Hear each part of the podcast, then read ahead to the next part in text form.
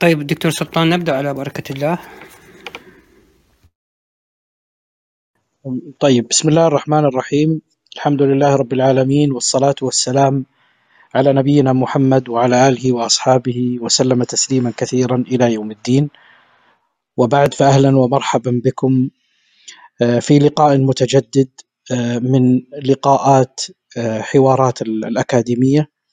والتي تعنى باستضافة بعض الضيوف والأساتذة المتخصصين الذين يقدمون بحوثهم في جوانب متعلقة بكتاب الله سبحانه وتعالى. واليوم آه، ضيفنا هو الأستاذ موفق بغدادي وهو آه، متخصص في هذا المبحث وهذا الباب ما يتعلق باللغة واللسان.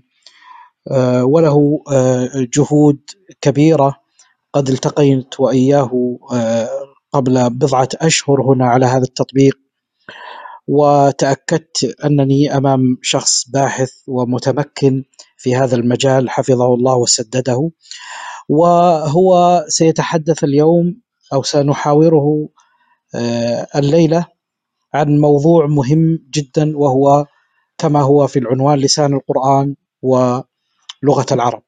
هذه الكلمة كلمة اللغة التي لا ندري متى بالضبط بدأ الناس يستخدمونها ويتعاملون آه، بها مع أن القرآن الكريم آه، لم يذكر هذه المفردة مطلقا ولم يتعرض آه، لها بهذا الشكل وبهذا البناء أعني كلمة لغة بهذا الشكل. فهل هي تختلف في معناها عن اللسان ولماذا تجنب القرآن الكريم هذه المفردة ولم يذكرها إلا أنه ذكر آه، شيئا مما يشتق منها وهو آه، اللغو واللاغية وما آه، تفرع منها. بعيدا عن هذه المفردة التي أصبحت اليوم هي المعيار الأساسي الذي يستخدمه أكثر الناس. هل هناك اختلاف بين مصطلح اللغة ومصطلح اللسان؟ والقرآن الكريم هل من الممكن أن نقول إنه نزل بلغة العرب؟ نلاحظ أن القرآن الكريم جاء في مجموعة آه، لا بأس بها من الآيات أن الله سبحانه وتعالى قال عنه قرآنا عربيا.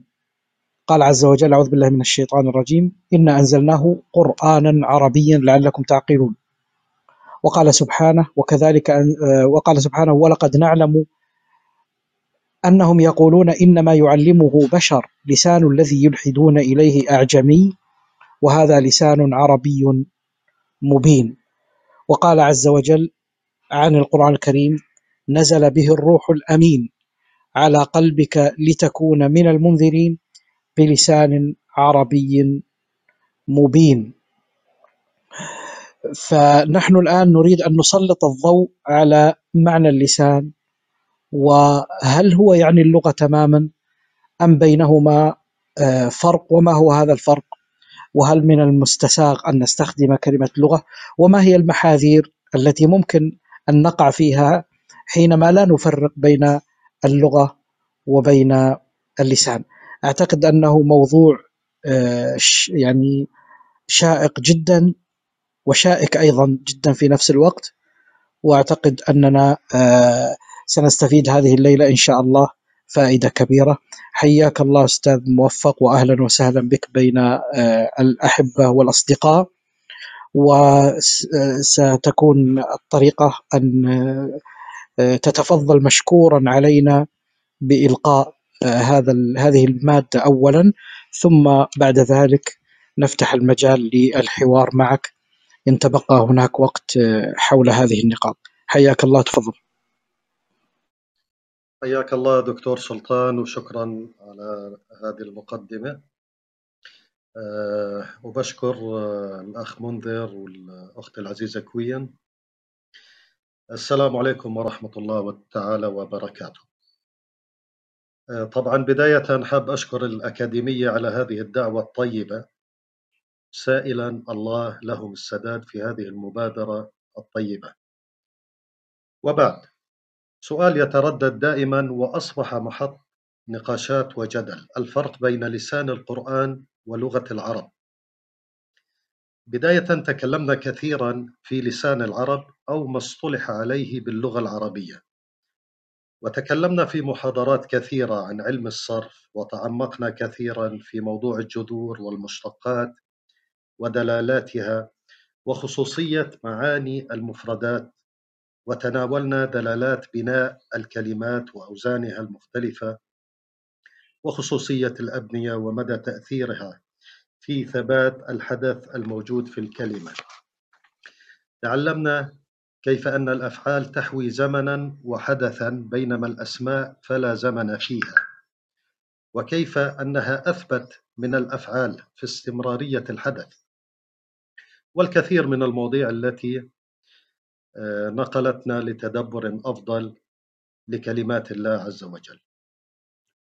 موضوع المحاضرة اليوم هو نتاج بعض المداخلات التي أصبحنا نقرأها هنا وهناك على مواقع التواصل وبعض النقاشات شبه اليومية التي باتت تطرح أمامنا أمام معظمنا هل القرآن نزل بلغتنا كعرب؟ بداية لابد لي هنا من أن أعرج قليلا على معنى عرب. طبعا لم يعد يخفى على أحد أن كلمة عرب تطلق على الشيء الكامل غير ذي عوج النقي الصافي. ومنها ما كان ما كان يسمى أو لا يزال الإعراب في علم النحو الذي وضع للكشف عن أي إعجام في الجمل العربية وتوضيحها وإبانتها بشكل جلي صافي لا لبس فيه. ومن هنا ارتأيت أن نبدأ. هل العرب أخذوا هذه التسمية لأنهم يتكلمون العربية؟ أم أن اللغة العربية سميت بذلك لأنها نسبت للعرب؟ وأخذت هذه التسمية من اسمهم بداية. بمعنى هل العرب نسبوا للغة العربية أم العربية نسبت لقوم أو أقوام العرب. الحقيقة وللوقوف على هذا يجب علينا أن نعلم أن الأسماء أطلقت على الأشياء كصفات في بداية الأمر. فعندما أطلقت الاسم الدب كحيوان وضعته لصفة موجودة في هذا الحيوان وهي الدبيب وهذه الصفة لابد وأن تكون من أهم صفاته المحسوسة الاسم فالدبيب موجود في معظم المخلوقات دون النباتات طبعا وغيرها ولكن لابد وأن يكون صوت الدبيب في هذا الحيوان ملاحظ بشكل أكبر من غيره. آه، النبت والإنبات في النبات صفة لا ينازعه فيها أحد والطيران في الطير والحدة في الحديد وغيرها.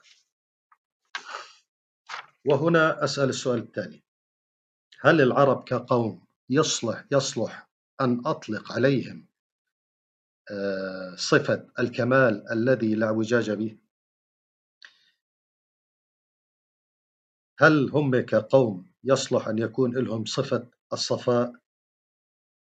أم أن لسانهم هو الذي يتصف بذلك وبالتالي نسبتهم لصفة موجودة موجودة في كلامهم؟ طبعا هذه الصفة لا يمكن أن تطلق على أناس. أطلق الله على أهل الجنة فقال عربا أترابا وأراها صفة موجودة فيهم نفسهم ولا بد أن تكون صفة أساسية فيهم ليستحقوا هذا الوصف وهذه التسمية. تلخيص كهذا يأخذنا إلى أن العرب كانوا يتكلمون لغة تتصف بالكمال ما لا ينازعهم فيها أحد. وبذلك استحقوا هذه الصفة بجدارة. ونعود لموضوع المحاضرة. فما الفرق بين لسان القرآن واللغة العربية؟ يقول تعالى وما أرسلنا من رسول إلا بلسان قومه ليبين لهم. إلى آخر الآية الكريمة. فلو افترضنا أن لسان القرآن يختلف عن لسان قومه فكيف يمكن أن يبين لهم الرسالة؟ هل سيترجمها لهم بلغتهم المختلفة عن لسان القرآن؟ وما فائدة أن ينزل القرآن بلسان على قوم بلسان آخر؟ وأين ستكون الحجة عليهم إن لم يفهموا هذه الرسالة؟ الحقيقة أن الفرق بين اللسان العربي واللغة العربية لا يتعدى أكثر من التسمية. هذه التسمية المستحدثة التي وضعت كما أراها للانتقاص من هذا اللسان. فاللغة كما تفضل دكتور سلطان جاءت من جذرها أو أصل الكلمة لغة الفعل الماضي المجرد. واللغو هو الكلام الفارغ المضلل الذي لا فائدة منه. طبعا غالبا يعني يخرج علينا من يقول لسان القرآن يختلف تماما عن اللغة العربية. يختلف تماما. هنا أقول لصاحب هذا الرأي كيف تقول في لغتك مثلا ولسانك المختلف تماما عن القرآن كيف تقول أول آية في القرآن الكريم؟ بسم الله الرحمن الرحيم. يعني هل تقولها بشكل مختلف تماما؟ لو سألتك كيف تترجم هذه إلى لغتك التي تختلف تماما عن القرآن؟ هل تقول بسم الله الرحمن الرحيم بشكل آخر؟ طبعا أول آية في القرآن ثم لو كان لسان القرآن يختلف عن لغتك تماما فمن علمك هذا اللسان الموجود في القرآن ومتى تعلمته وكيف؟ وكي أكون منصفا قليلا فلا مجال للشك عن أننا فعلا وفي مواقع كثيرة نجد كلمات قد لا نعلم دلالاتها دلالاتها بشكل يقيني.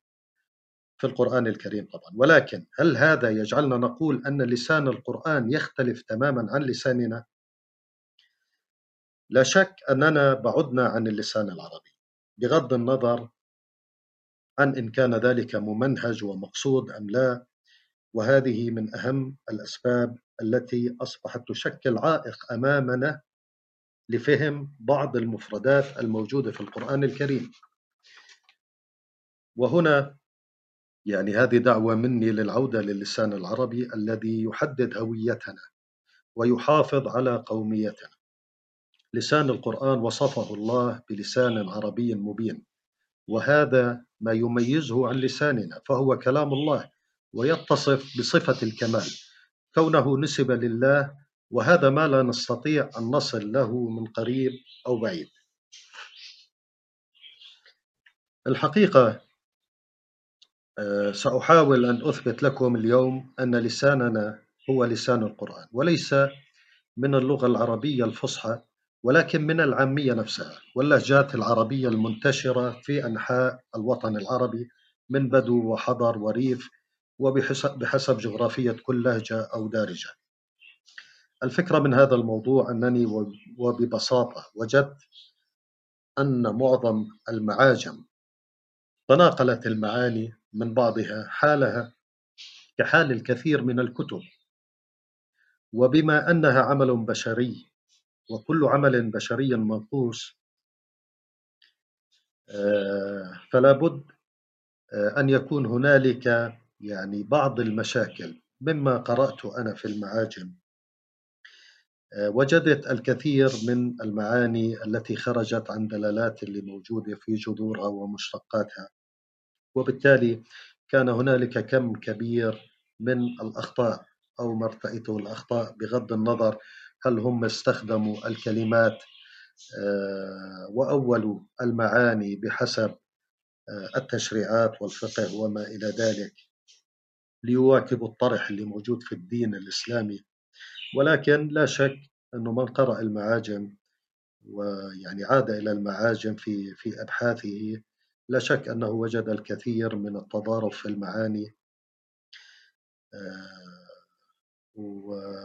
والموضوع هذا يعني أعطى ضعف للأسف للمعاجم العربية. ولذلك وكوني على قناعة بأن العامية لم تنشأ من فراغ بل لها أساس في اللسان العربي وكونها تواترت من أجيال لأجيال مع بعض التغييرات في النطق مثل الحرف الجيم مثلا ينطق ج في المصري. بيحكوا آه، جمال مثلا. أو القاف آه، في السودان كمان يطلق ج. يعني حتى حتى في السودان بنشوفهم لما بيقرأوا القرآن في الجوامع ما بيحكي قل يا أيها الكافرون بيحكي قل يا أيها الكافرون وهي عبارة عن لهجة. هذا الحكي موجود في السودان. أو الثاء اللي اختلفت وتغيرت لتاء أو سين في بعض بلاد الشام مثل آه، مثلث بيحكوها مثلث أو مثلث آه، ثعلب بيحكوها ثعلب أو القاف إلى ألف أو جا في الأردن مثلا آه، بدل قامة ممكن يحكي قامة أو آم بالألف ولكن يعني لابد أنه كان إلها آه، أساس في اللسان العربي. مع تغير بعض الأحرف أو النطق ولكن لو رديتها أنت بتلاقي أنه في إلها أصل في اللسان العربي. وبالمناسبة كلمة العامية أراها أيضا خاطئة. فكيف تكون عامية ويتكلم بها الخواص فأنا أعتبرها لسان من الألسنة.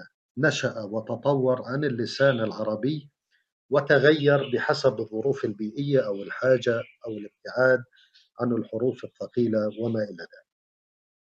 فإن أثبتنا أنها تستخدم في القرآن بوصف دقيق كما تتداول وبعد إسقاطها على السياق القرآني فسنثبت حينها أن لساننا هو لسان عربي.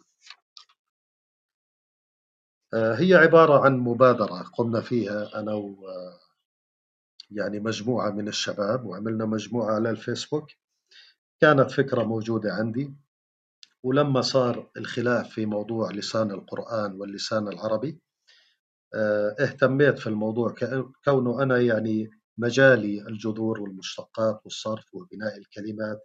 فأنا بلشت أشوف أنه في بعض الكلمات فعلا إحنا بنستخدمها بالعامية آه، قد لا نستخدمها بالفصحى.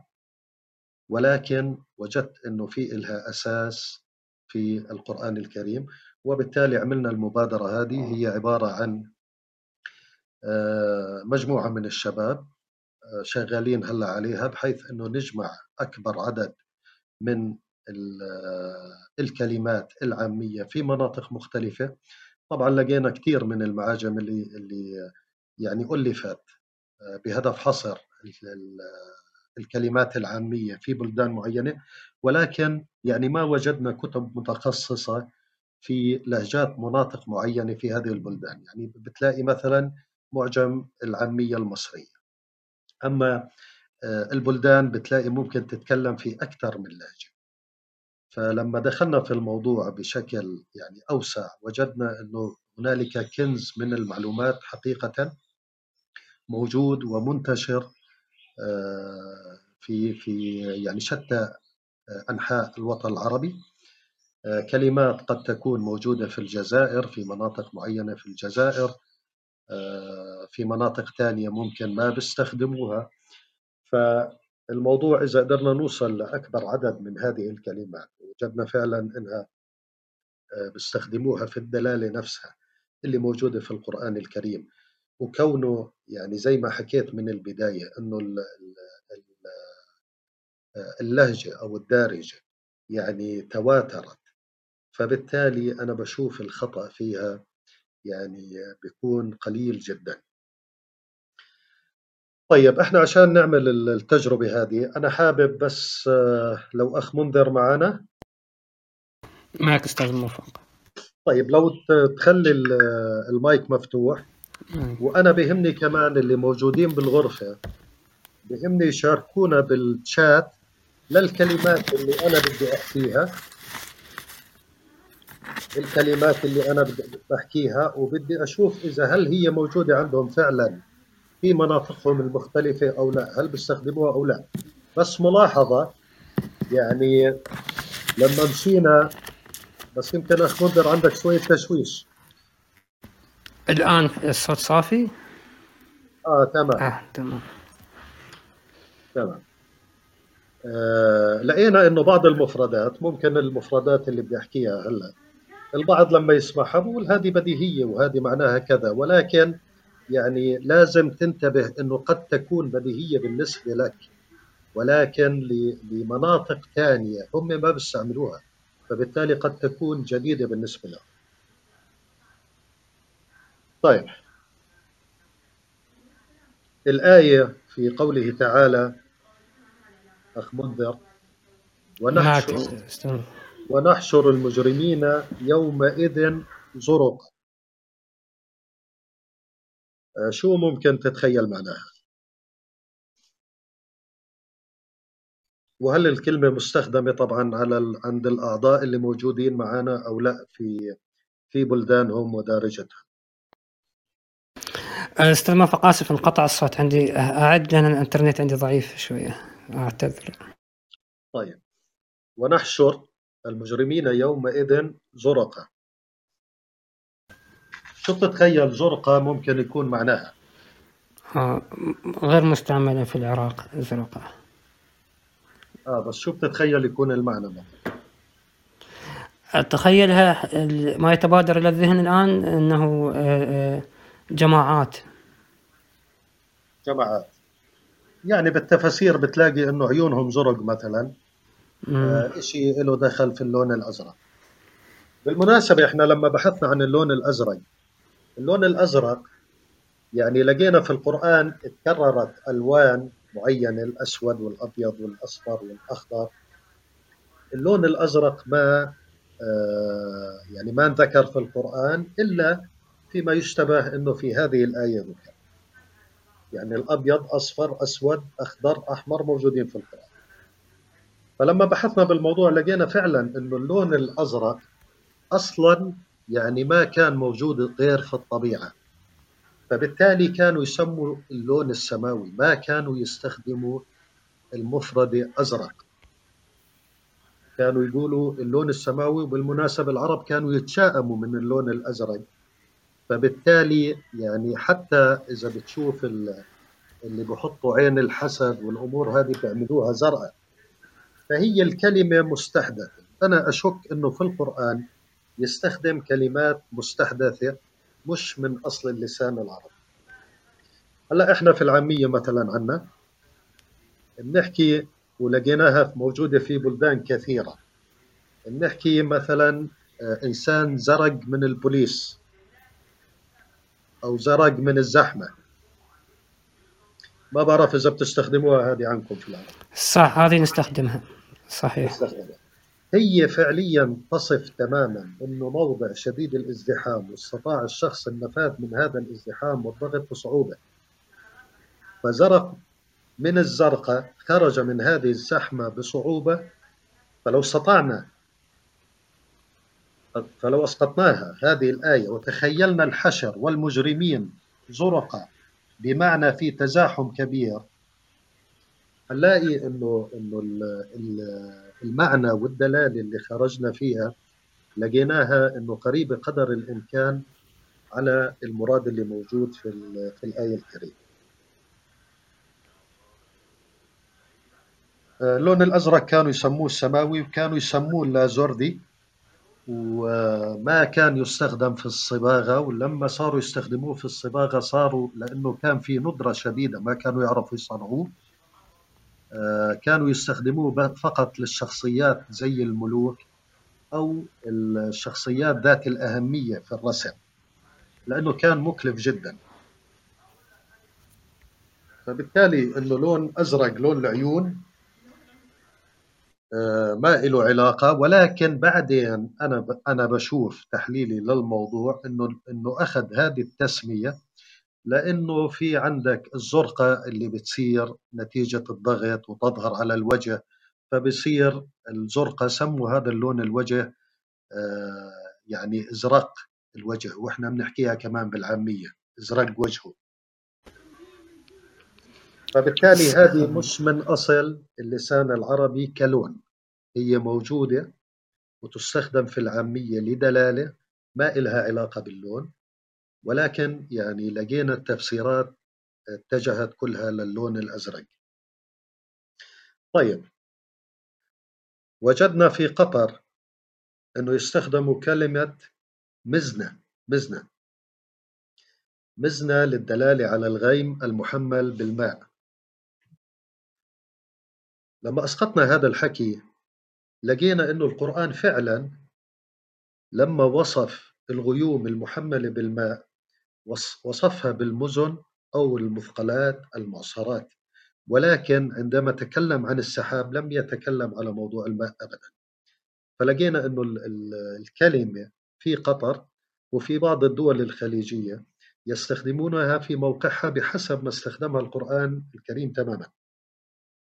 طبعا في الجزائر بعض المناطق والسودان والعراق كمان موجودة يمكن أخ منذر عنكم بالعراق موجود. نعم مزنة موجودة في بعض نواحي البادية الغربية وجنوب العراق وحتى في السعودية صحيح. نعم. معايش قال تعالى وجعلنا لكم فيها معايش ومن لستم له برازقين لا زالت تستخدم مثلا في مصر لو سألت أحدهم في مصر مثلا زمان ما شفناك هيجاوبك معايش معايش يقصد فيها منهمك في تحصيل الرزق. ومنها خرج المعاش والعيش عن الخبز يسموه عيش ومصطلح آه، طلع على المعاش. فبالتالي آه، نفس الكلمة اللي موجودة في القرآن استخدمت في بعض المناطق الدول العربية وفي مناطق أخرى طبعا لم تستخدم. صحيح إحنا مثلا عندنا آه لما تفتقد شخص آه تسأله وينك يا فلان هذه الأيام؟ يقول لك والله ملتهي بالمعيشة بجلب الرزق يعني. في مصر معايش عندنا في العراق معيشة. نعم. طيب لو سألتك أخ منذر المصطلح ملكش دعوة هل تعتقد أنه موجود في القرآن؟ ملكش دعوة ملكيش دعوة. لا ما موجود بالقرآن. طيب. آه، ملكش دعوة بيستخدموها في في مصر إنه ملكش دخل ما إلك دخل ما إلك خص في الموضوع. إحنا بالأردن بنحكي ما إلك دخل ما إلك خص آه، هذا مش شغلك. لا جرم أن من تدعونني إليه ليس له دعوة في الدنيا ولا في الآخرة.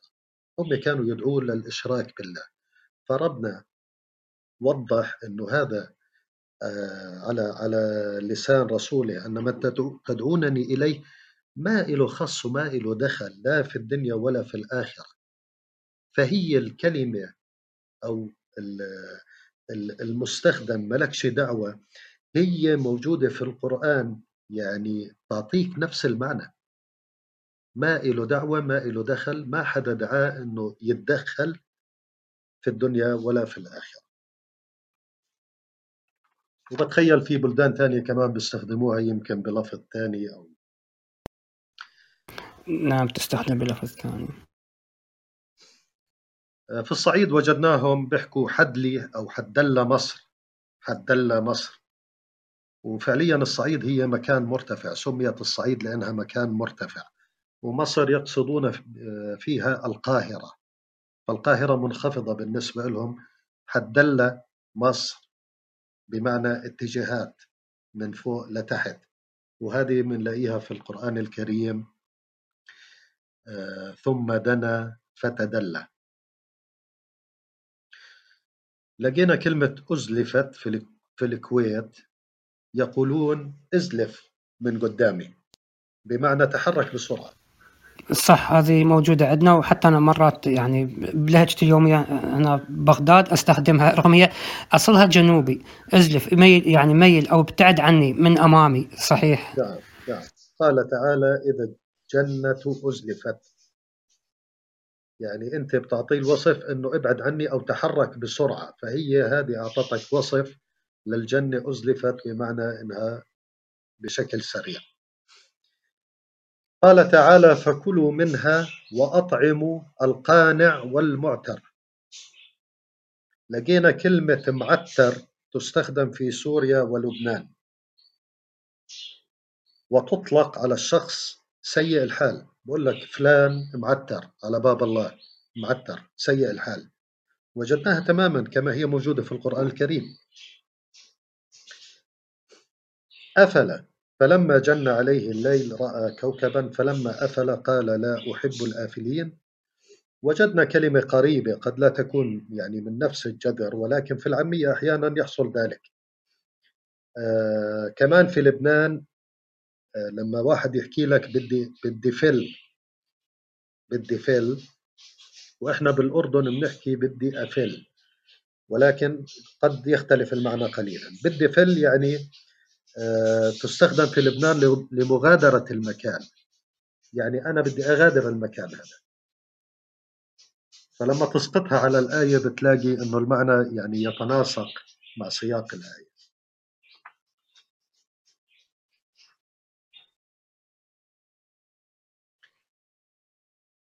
ولا يظلمون فتيلة في لبنان والمغرب وتونس والجزائر سوريا مصر الأردن. يستعملوا الفتيل اللي هو عبارة عن خيط مفتول أو خيطين مع بعض آه، أنا لفيتهم على بعض. وحتى عنا الحلاق لما بيستعمل الخيط لإزالة الشعر بنسميه فتلة وهو خيط صغير آه، يستخدم كمان آه، للمصابيح اللي اللي تنار بالمحروقات بالكاز أو ما إلى ذلك. عندنا عندنا إحنا أيضا آه، فت آه، فت آه، نقول فتي فتيلة يعني بالكسر. تعرف العراق يستخدمون الكسر أكثر شيء. فتيلة الفانوس أو الفانوس الفتيلة. نعم صح. وتشبه هي حتى ضفيره شعر البنت. يعني هكذا. صغيرة صغيرة جدا. صحيح. إحنا بنحكي عنها فلان وعلان. لأشخاص غير معروفين. يعني بدي أشرط قصة بقول له فلان وعلان آه، شخصيتهم غير معروفة بالنسبة للإنسان اللي بخاطبه. قال تعالى يا ليتني لم أتخذ فلانا خليلا. فلانا. فهو إجا مبهم ولكن لتعميم إنه هذا فلان هو اللي أضلني.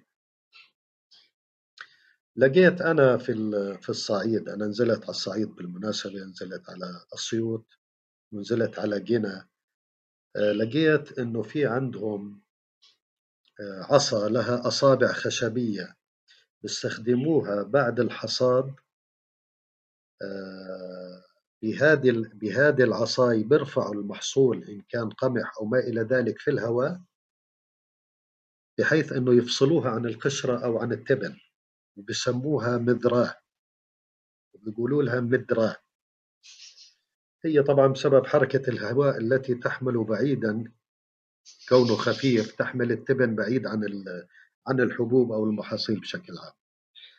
وطبعا لا يخفى علينا قوله تعالى تذروه الرياح فاستخدموا مذرة وهي يعني إذا جينا للصرف فهي اسم آلة استخدموها لنفس الفكرة وتعطي يعني دقة آه، جميلة في في الوصف.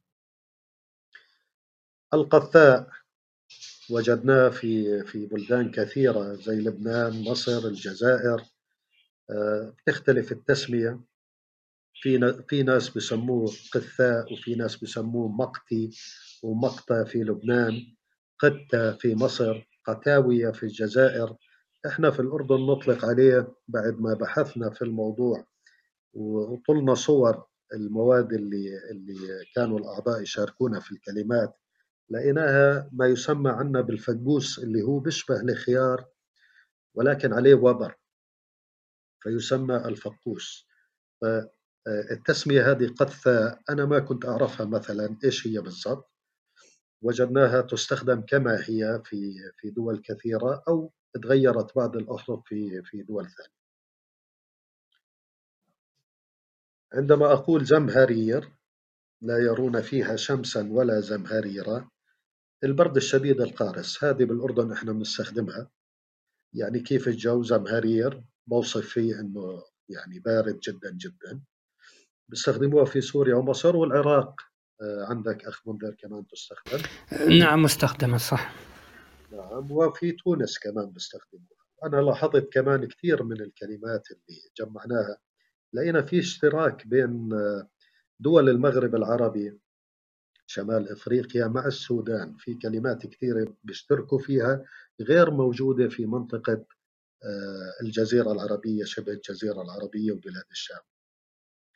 لبن أنهارا من لبن لقيناها فقط في مصر واللي هي تعني الحليب في دول ثانية. ولكن هم حافظوا على نفس الاستخدام اللي موجود أو اللي موجود في القرآن. ثم عبس وبسر. في بعض الدول يعني يطلقوا على التمر قبل ما يصير تمر بتحول للون الأصفر أو الأحمر موجودة في تونس ليبيا الجزائر المغرب. آه ثم عبس وبسر. إذا يعني أسقطت هذا المعنى على هذه الآية إنه هو يعني وجهه كان عبوس وتغير لون وجهه بحيث إنه أصفر. أو أحمر. طبعا هذه الكلمة أنا من الكلمات اللي يعني فتحت المعاجم ولقيت لها يمكن يعني عشرات المعاني ولكن لقيتها تستخدم في هذه الدول بنفس المعنى تغير اللون. لقينا عسعس في قطر والسودان والمغرب والجزائر يتجول في الليل بحركة خفيفة. في سوريا بيستخدموا النار عست بدأت بالاحتراق ببطء. المغرب وتونس العساس اللي هو الحارس الليلي. فهذا وصف لليل إذا عسعس. عفوا.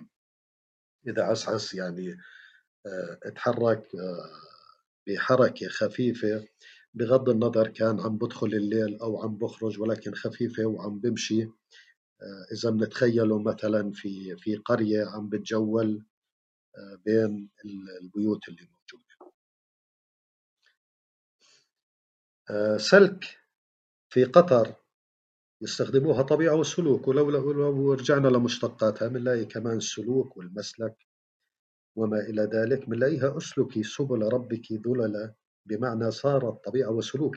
يعني حتى استفدنا في آه، في أنه نتدبر الكلمات بشكل أوسع بشكل أوسع.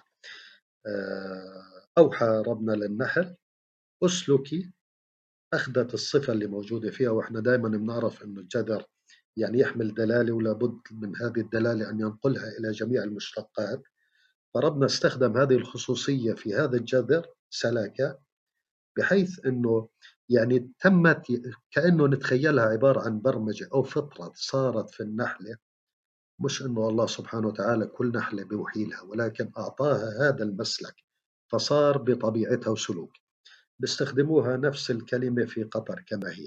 سيء إحنا عندنا في العراق نستخدمها مثلا نقول آه مثلا هل مثلا لما يختلط شخص مع جماعة جديدة مثلا نقول منذر راح يسلك مع القرآنيين أي تمشي أموره معهم ويتكيف مع هذه الجماعة الجديدة. نعم. فنقول فلان سلك أمره مع الجماعة يعني نقول راح يسلك وياهم يعني راح يتكيف ويا الوضع الجديد. بهذه الصيغة نستخدمها. نعم نعم. هو بعض الأحيان أنت بيكون الكلمة في إلها آه، دلالة معينة ولكن أنت فيما بعد ممكن تستخدم الكلمة اللي أخرجتها من الدلالة للدلالة على شيء آخر.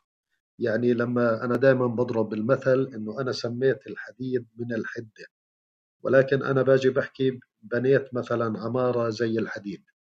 فأنا ما استخدمت الحدة في في في الوصف الثاني ولكن استخدمت الصلابة.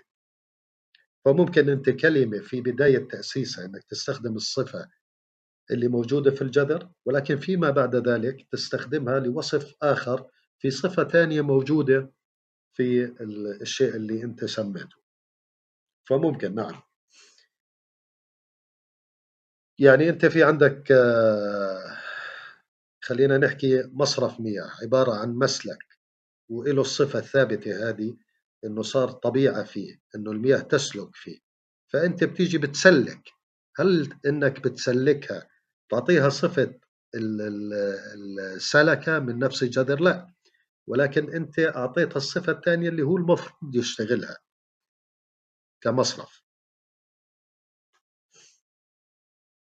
طيب لما بحكي لك أنا اشتريت سيارة أخت اللي معك أخ منذر. اشتريت سيارة أخت سيارتك. هذا يمكن تستخدموه أنتم لأنه لقيناها في مناطق كثير في الوطن العربي. معي أخ منذر؟ قطع عند الصوت والله ما انتبهت. نعم بحكي بحكي اشتريت سيارة أخت اللي معك. كيف؟ سيارة أخت اللي معك؟ أنا أنا اشتريت سيارة أخت سيارتك. آه لا مو لا لا ما ما أعتقد مستخدمة عندنا.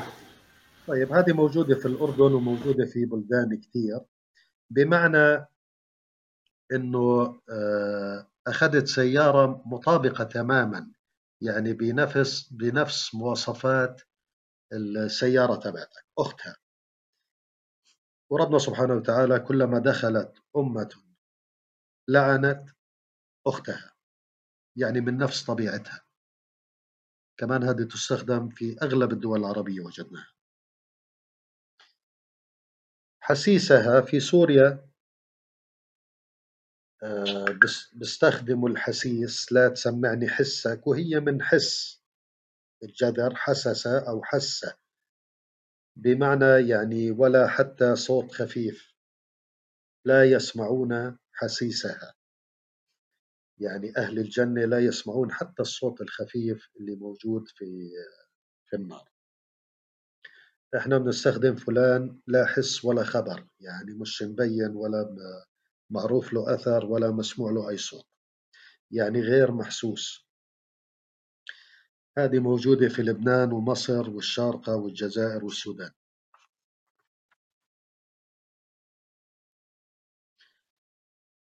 لقينا مزمل موجودة في تونس والجزائر ومصر بمعنى متجهز للسفر والزاملة هي التي تقل آه، هذا الإنسان المسافر. فالمتجهز بالسفر يا أيها المزمل. آه، لقيناها تستخدم في هذه البلدان ويعني قد تكون في بلدان ثانية لأنه إحنا يعني آه، المشروع في بدايته لسه وعم نحاول نجمع أكبر قدر من من الكلمات. آه، وجدنا تلفح وجوههم النار. إحنا عندنا مثلا نزلة البرد بنسميها لفحة هواء. ما بعرف إذا بتستخدموها عندكم بنفس المعنى. إحنا نقصد نستخدمها على النار تلفح لفح نقول. إذا خصوصا إذا حارة أو إذا الشمس إذا الجو حار خصوصا بالصيف نقول الشمس تلفح لفح أو إذا أنت تشعل نار وترتفع النار وتحس بحرارتها على وجهك نقول لفحتنا لفح النار. فنستخدمها على النار والحرارة. نعم. إحنا إذا واحد بصير معه إنفلونزا بقولوا أنت صار معك لفحة هواء. اللي هي نزلة البرد بمعنى أنه يعني الهواء أخذه بسرعة وبشكل مباغت. حتى إحنا وصغار كنا نحكي مرات لهفت أو لفحت من والدي دينار.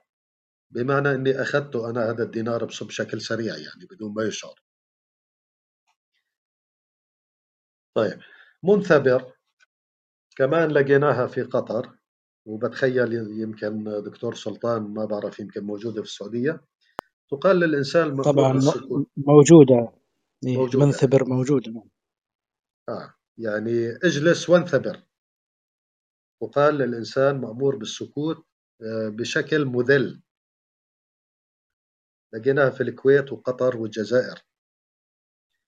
وإني لأظنك يا فرعون مثبورا طبعا المثابر اللي بيكون فيه حركة المثابر بيكون في حركة واجتهاد آه، عكسها المثبور اللي بيكون في حالة سكون وإذلال.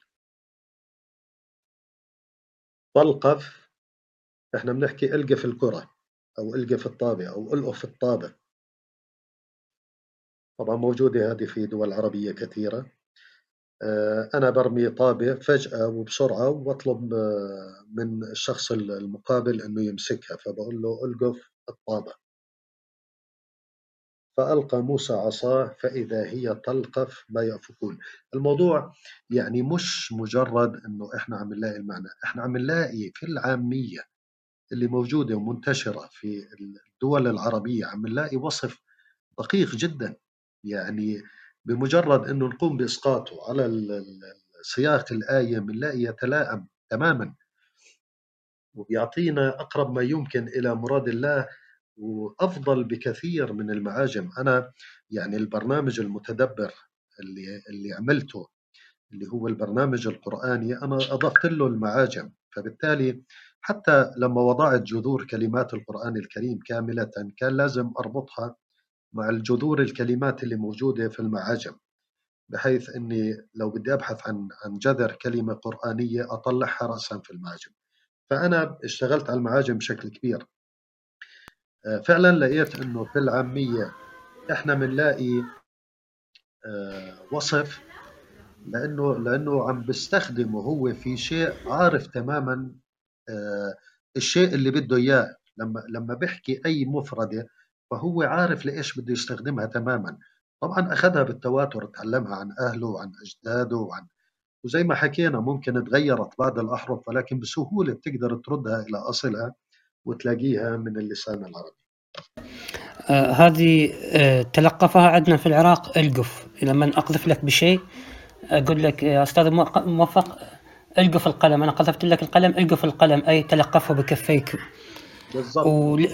وللشخص اللي يعني تحس في خلل في عقله نقول عنه ملقوف بمعنى أنه في شيء خارجي تلقف عقله يعني كجين أو سحر أو قوة أخرى تلقفت عقله وجعلته بغير وعيه.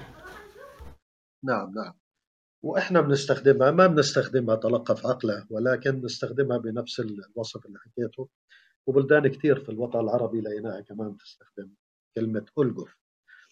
طبعا آه، بالبداية يمكن الواحد بيحكي الكلمات وما بينتبه إن هذه الكلمات موجودة في القرآن الكريم وهي من أصل لسان عربي. أنا ما عم بحكي لسان عربي مبين ولكن أنا عم بحكي من أصل اللسان العربي. وأنا بشوفها كونها وردت في القرآن فلا يمكن أنها تكون مستحدثة. هي إلها أساس في القرآن الكريم. طيب بنحكي لواحد لا تواخذني ووردت في القرآن ربنا لا تؤاخذنا إن نسينا أو أخطأنا. يعني لو تكلمت مع حد أنت بموضوع قد يغضب هذا الموضوع. أنت بتحكي له لا تواخذني بالشام بيحكي لا تواخذني بالزين. فبتتغير بعض الأحرف. ولكن بتعطيك نفس الكلمات. بدي أرجع أكرر. أنا الكلمات اللي حكيتها البعض حيشوفها بالنسبة له بديهية لأنه هي موجودة عنده في في لهجته ودارجته ولكن في مناطق تانية هم ما بيعرفوها وقد تكون محيرتهم مش عارفين معناها أبدا. طيب الردف موجودة في المغرب والسودان والجزائر. أتبع الشيء بالآخر. إني ممدكم بألف من الملائكة مردفين.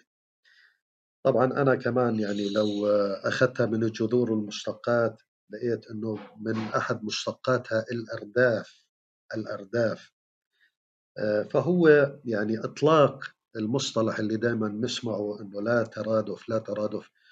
إحنا الأولى والأفضل والأقرب للمعنى أنه لا تطابق في المعنى مش لا ترادف. لأنه الترادف هو لازم يكون حركة متتابعة. ترادف. يعني الأرداف تتحرك آه، بحركات متتابعة.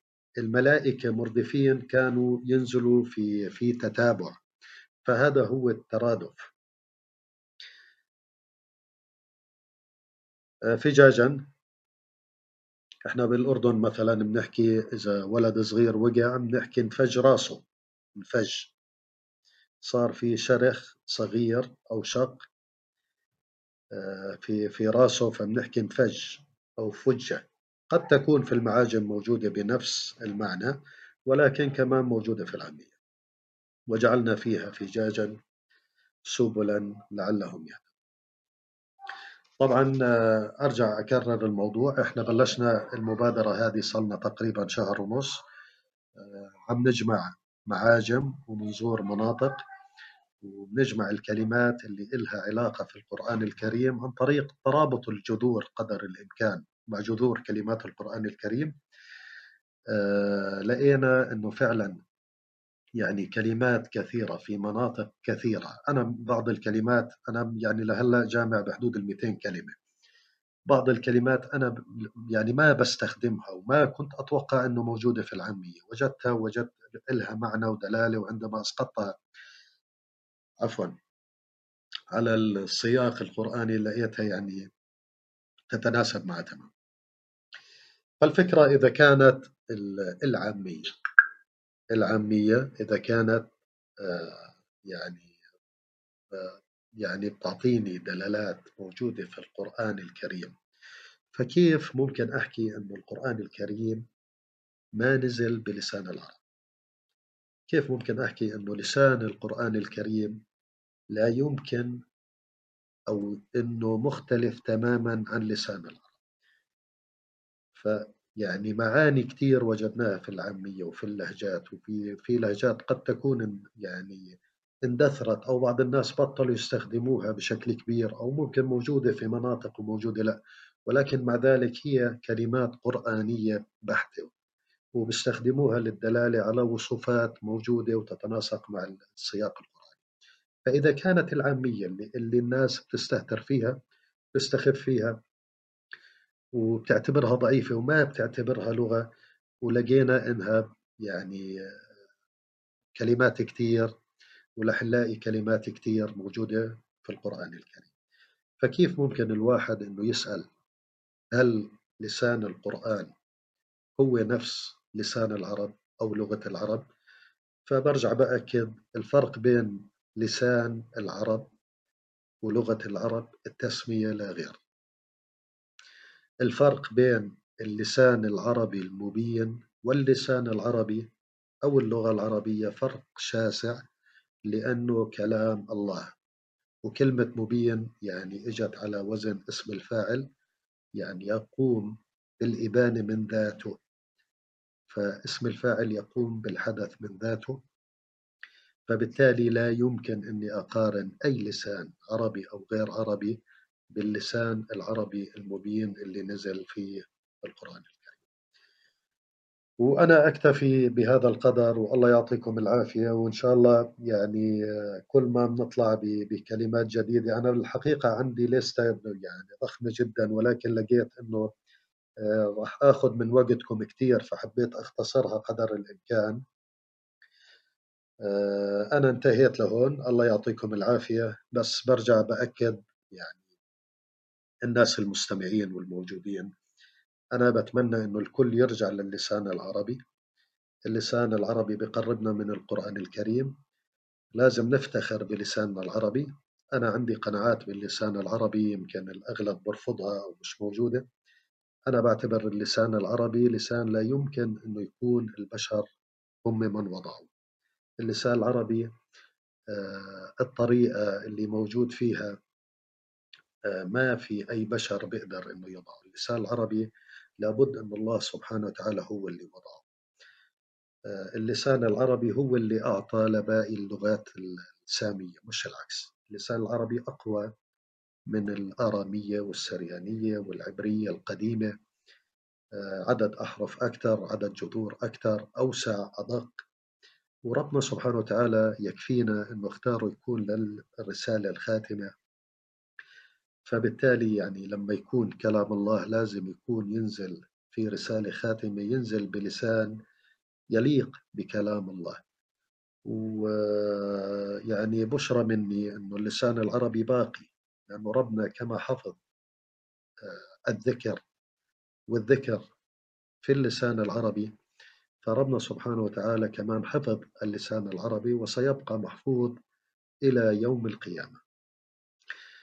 إحنا نعمل جهدنا إنه نحاول نتقرب منه نحاول نتعلم اللسان العربي بشكل أكبر بنلاقي حالنا يعني القرآن الكريم بطل زي ما البعض بصفه إنه طلاسم أو لا مش مفهوم أو بنلاقي حالنا أمور كثير آه، صرنا نفهمها. اللسان العربي قادر إنه إنه يرسم لك صورة تقدر تتصورها أمامك من أي جملة أنت بتسمعها. يعني عنده القدرة إنه فعلا يرسم لك لوحة لهذا الموقف وتشوفها أمامك؟ الله يعطيكم العافية جميعا وأنا يعني سعدت إني كنت معكم اليوم.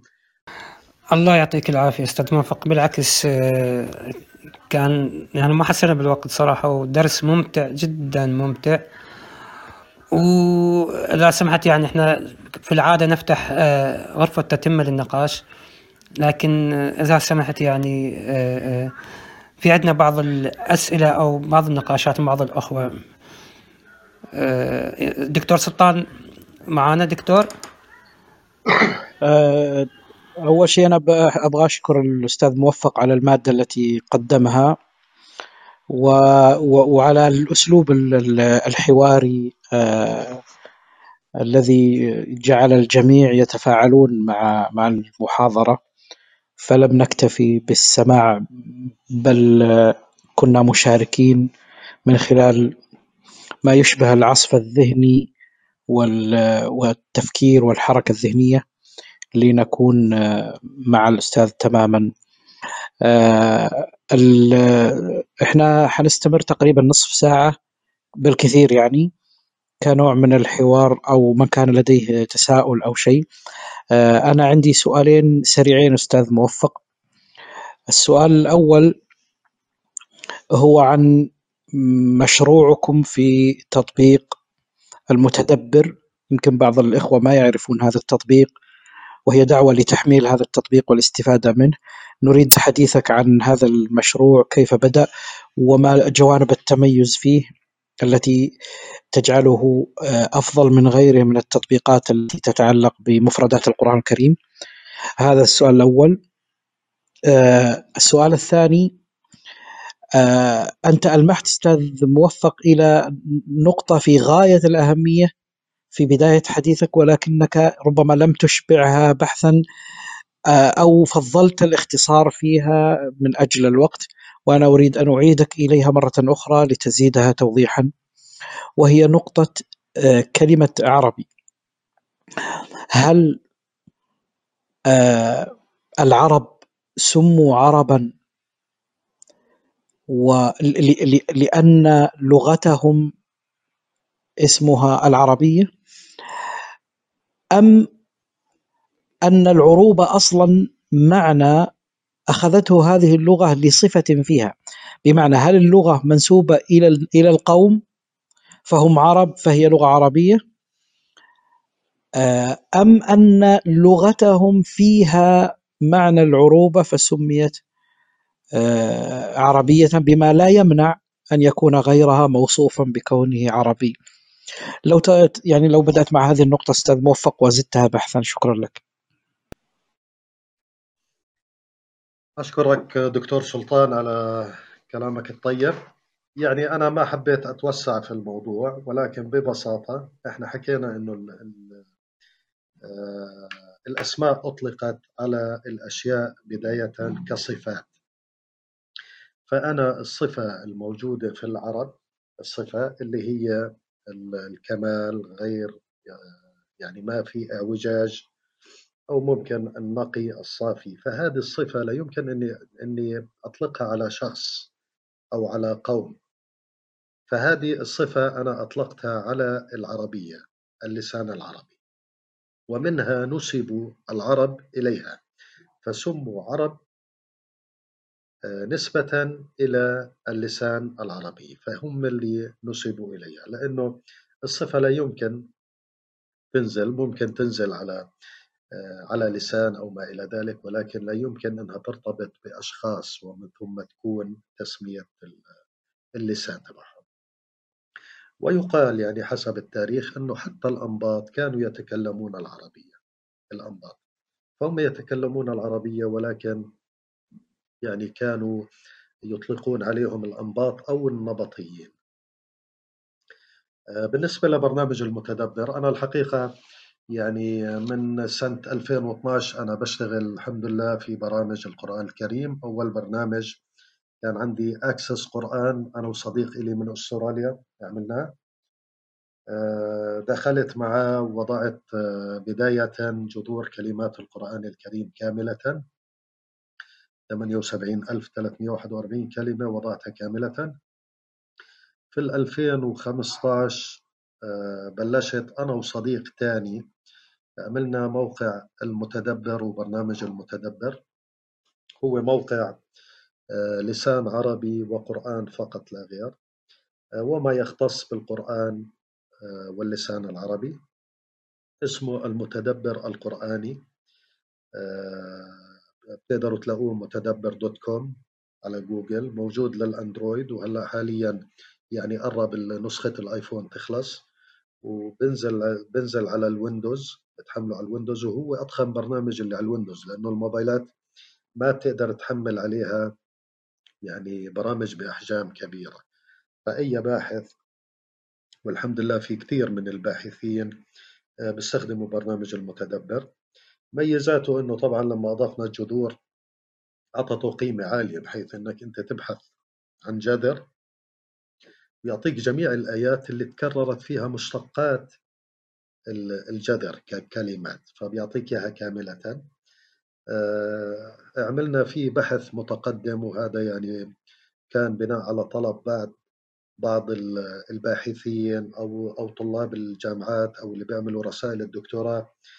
آه، بده يبحث مثلا عن وزن معين اسم فاعل أو اسم مفعول أو ما إلى ذلك. فعملناه بحيث أنه يبحث بحسب الوزن. آه، هذا بالبحث المتقدم. حطينا فيه شيء اسمه corpus قرآن. جماعة كانوا يعني عاملينه برنامج ضخم أو database ضخمة قاعدة بيانات. أضفناها للمتدبر تحليل لكلمات القرآن الكريم كاملة. فكل كلمة شو الحروف القبلية والبعدية وتصنيفاتها بتلاقيها موجودة. حطينا فيه بحدود عشر معاجم على يعني رأسهم لسان العرب وتاج العروس والصحاح في اللغة والرائد آه، والمعاصرة في اللغة العربية وما إلى ذلك. وضعنا فيه 35 ألف مثال إعرابي آه، بدك تبحث مثلا عن آه، عن مبتدأ مرفوع بدك تبحث عن فاعل مرفوع بالألف بالواو وما إلى ذلك 35 ألف نحويا. وضعنا أربع مصادر لإعراب القرآن الكريم كامل. آه، طبعا في الإعجاز العددي مع أني أنا شوي يعني آه، يعني الإعجاز العددي بحاول أني ما أدخل فيه ولكن يعني وضعنا هذا الخيار للباحثين في هذا المجال. أنا طبعا على يقين أنه القرآن كمنظومة لابد أنه يكون في الإعجاز العددي ولكن هل هم وصلوا لهذا الحكي؟ يعني ب يعني بضع شوية علامات استفهام. اشتغلنا مع المهندس عدنان الرفاعي على موضوع المعجزة الكبرى. العدد 19 آه، وعملنا وعملنا الحسابات تبعته ووضعناها فيه ووضعنا حساب الجمل. كمان موجود فيه وفتحنا مجال لواحد لأي باحث إنه يعني يعطي قيمة عددية لأي حرف ويعمل ويعمل أبحاثه كمان بده يقسم على الرقم 19 أو 7 أو 9 يخرج بشغلات كمان أعطيناه هذه القابلية. آه، القرآن الكريم مترجم كمان بحدود العشر لغات ومن ضمنها آه، لترجمة بحيث أنك أنت تقرأ القرآن بأحرف آه، إنجليزية ولكن النطق بالعربي. هذا لغير الناطقين بالعربية عملنا. يعني بتقرأ أنت القرآن بأحرف إنجليزية ولكن أنت عم تقرأ عربي. اللفظ عندك عم بيطلع عربي. الحقيقة أهم شغلة عملناها واللي هذه يعني أنا بفتخر فيها بداية. وهذه فعلا إشكال و...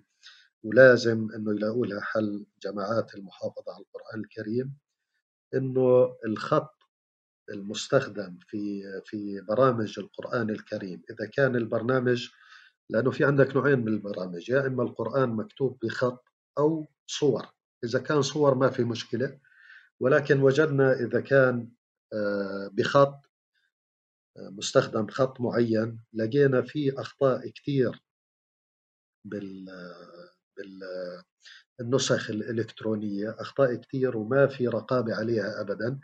فحاولنا أنه المتدبر نجيب يعني نسخة صح ونقحناها. وعملنا تواصل مع يعني كثير من المواقع الإلكترونية اللي حاطين القرآن مواقع كبيرة وأسماء كبيرة. وجدنا عندهم أخطاء فأعطيناهم النسخ الصحيحة.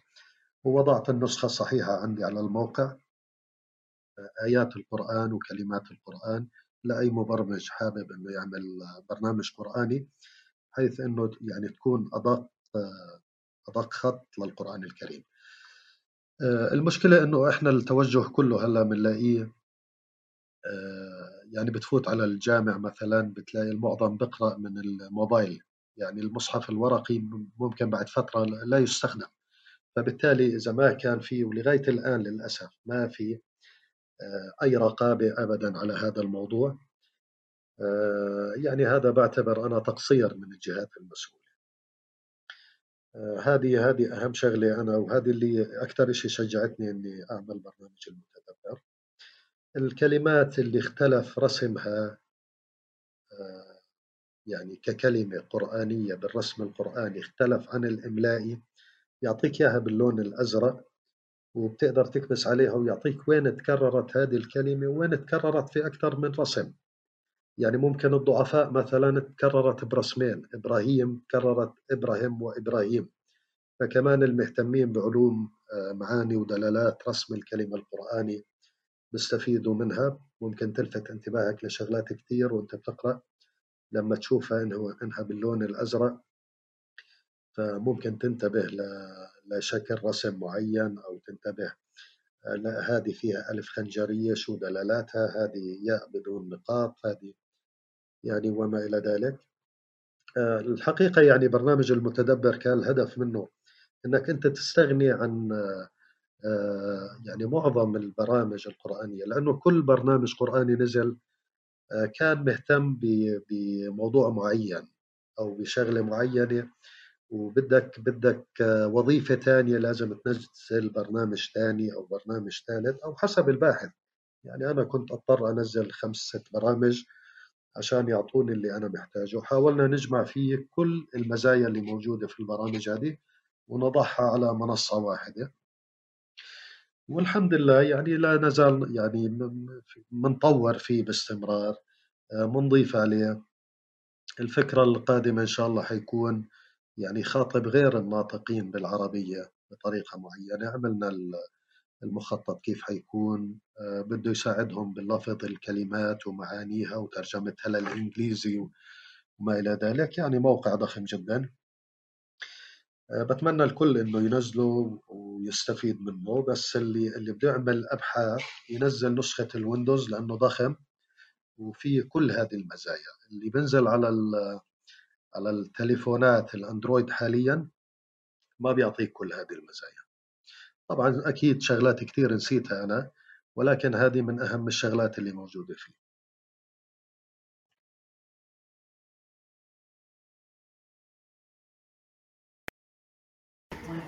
طبعا أستاذ موفق شكرا على جهدك على جهودكم المباركة. التي تزيد وتثري وتغني المحتوى العربي الفقير. آه، بارك الله فيكم وفي عملكم وما تقومون به. وإضافة يعني لا قراء بل أكثر وأكثر للمحتوى العربي وخصوصا في المجال القرآني. آه، طبعا أنا أريد أن أعقب بعض التعقيبات لكن أتناقش معك من ناحية تاريخية في موضوع اللغة واللسانيات. لكن خلينا نعطي المايك للأخ جيفارة ثم نعود. تفضل أخي جيفاري أه، تحياتي السلام عليكم وتحياتنا تحديدا للأستاذ موفق. يعني مبادرة جميلة تضاف للسجل الحافل حقيقة في المبادرات الفريدة اللي بالفعل مثل ما قال المنذر يعني تحاول أن تغني هذا المحتوى المهجور والفقير بصراحة اللي نعاني منه. أه، وجميلة جدا وقريبة للأذهان وبهذا الصدد أنا استحضرتني. يعني ربما كلمة من الممكن أن تدخل أيضا إلى قاموسكم الوليد. آه، ربما تحدث عنها الدكتور سلطان مرة. يا دكتور أنا أرسلت لك آه، كلمة ملة لأنه أصلا الأستاذ موفق معني كان في البحث عن الملة. فأنت وجدت كلمة عامية لها علاقة صحيح والصراحة هي يعني انقدحت في ذهني أيام انقداح وأخذتني إلى إلى أماكن ربما أبعد اذا إذا أنت بتستذكرها هذه الكلمة. طيب أنا أنا راح أرجع لها هاي بس أنا نسيت بدي كنت أعلق على ما قال بعض ما قاله الدكتور الأستاذ موفق وبعدين أرجع للموضوع الملة بسرعة يعني لأنه أنا شايف إنها فتحت عندي أفق معين. آه، عجبتني قصة أكثر ما عجبني موضوع آه، ليس له دعوة الحقيقة أستاذ موفق. يعني آه، فعلا نحن نقولها بفصها ونصها الآن ونستخدمها بالضبط. والغريب إنه بالفعل كل التفسيرات تقول أنه لا يدعى له لا يوجه له دعاء أو لا يستجيب دعاء. طيب كيف لا يستجيب دعاء في الدنيا وفي الآخرة؟ وكيف الواحد يدعو هذه الأوثان في الآخرة أو التي يعتبرونها اربابا ربما؟ فبالفعل ليس لها ليس له دعوة حقيقة هي هي معنى اصطلاحي كامل يعني مغلق. يفيد إنه it's not his business يعني ليس ليس له علاقة بالمرة لا في الدنيا ولا في الآخرة. صحيح يا أستاذ موفق؟ نعم صحيح 100% وهذا هذا هو يعني أنا قرأت زي ما تفضلت أنت بالتفسيرات آه، لقيت لا حتى في العامية لقيت إنه هي بتتناسق مع مع السياق بشكل يعني رائع جدا. تعطيك المعنى. فليس له دعوة يعني هذا مو مو شغله. ما حيكون موجود وما له خص في هذه الأمور لا في الدنيا ولا في الآخرة. ولكن في التفسيرات بيحكوا لك يعني لا يستجيب الدعاء لا يدعى له لا يوجه له الدعاء وليس لا توجه له أو ليس له دعوة.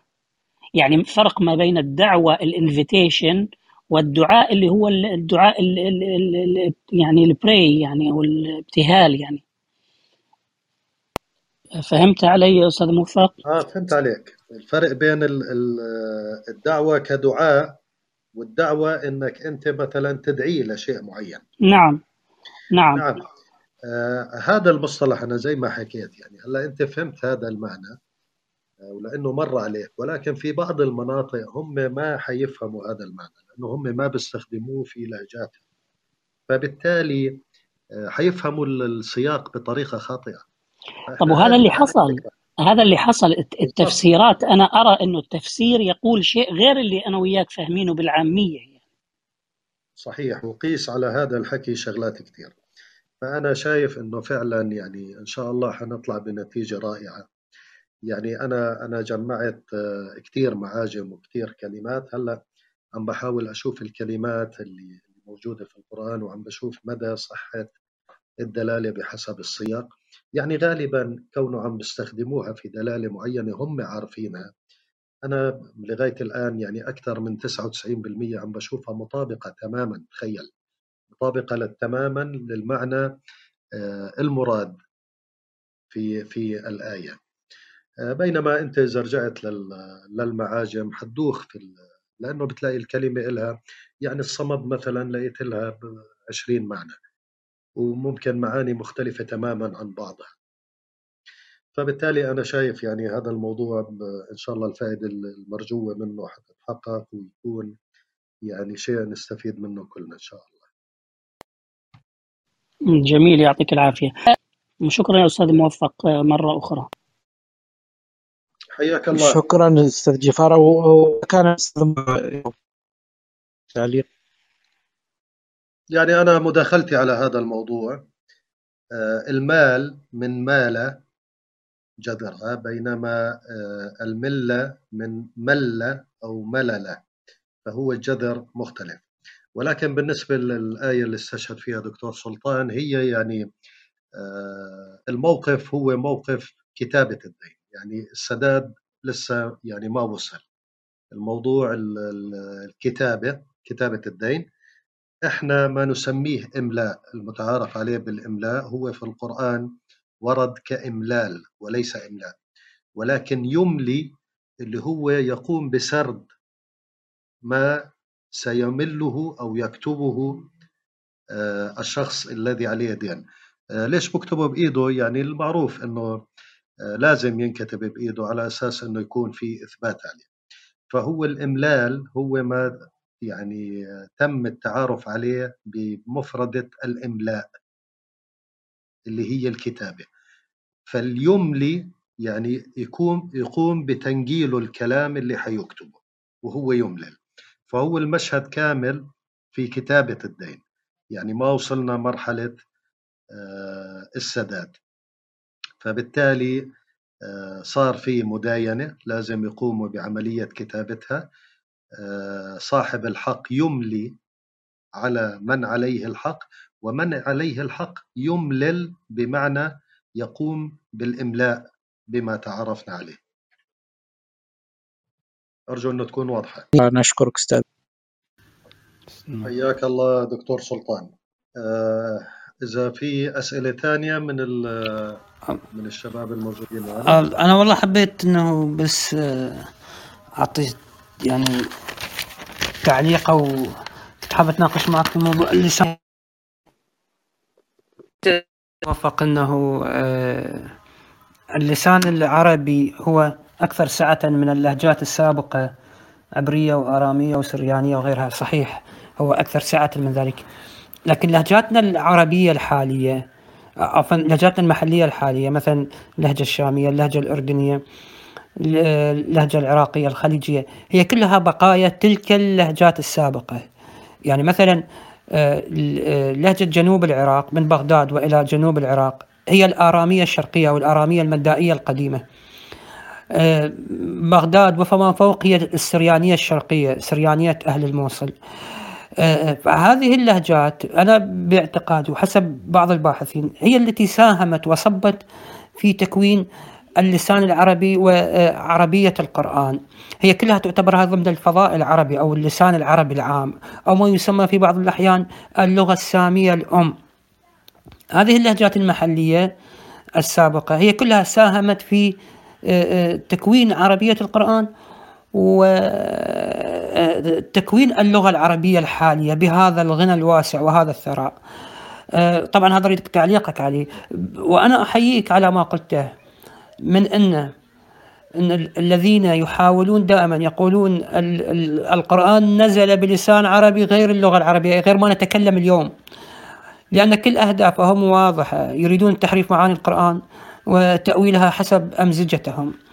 فبينما أنت كيف تقرأ؟ بسم الله الرحمن الرحيم. كيف تقرأ كلمة الله الرحمن الرحيم؟ دائما هذا نجده عند بعض ممن يدعون التدبر للأسف. وعندما تسألهم ما هو هذا اللسان العربي الذي تستندون عليه؟ أين من أين المنهج؟ أين القواميس؟ أين المعاجم التي تستندون عليها؟ لا يعطونك شيء. مجرد امزجه وأهواء وتصورات في الذهن. فأنا أحييك بأنه اللسان القرآن هو ما نتكلم به من لهجات اليوم في الكثير من مفرداته. وأنا قلتها مرة قلت إن القرآن أو لغة القرآن كما تسمى أكاديميا آه، هي جامع وخلاصة كل لهجات المنطقة. جامع وخلاصة كل لهجات المنطقة وهذا ما أثبته أنت بالدلائل العملية اليوم آه، عندما أعطيتنا أمثلة كثيرة. بقيت نقطة واحدة. عموما القرآن هو جامع خلاصة كل لهجات المنطقة.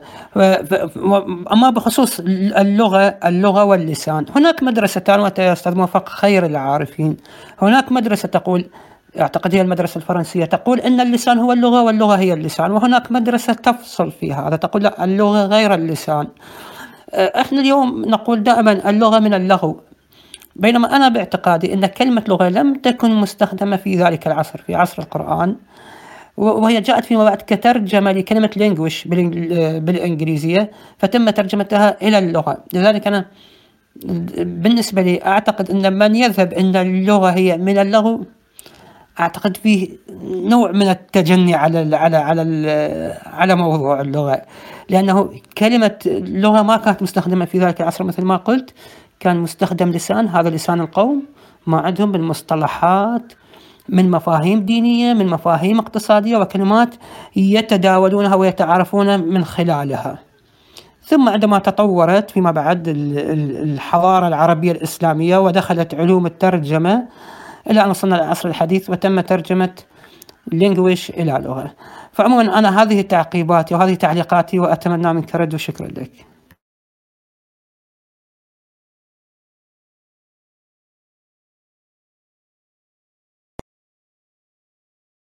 راح الصوت في النهاية أخي منذر. أين ضاع الصوت؟ في أي نقطة؟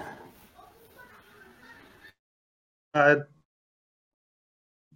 بعد هذه تعقيباتك إيش آه, آه كنت أت... أقول إنه ردك يعني على ما قلت تعليقك أنت.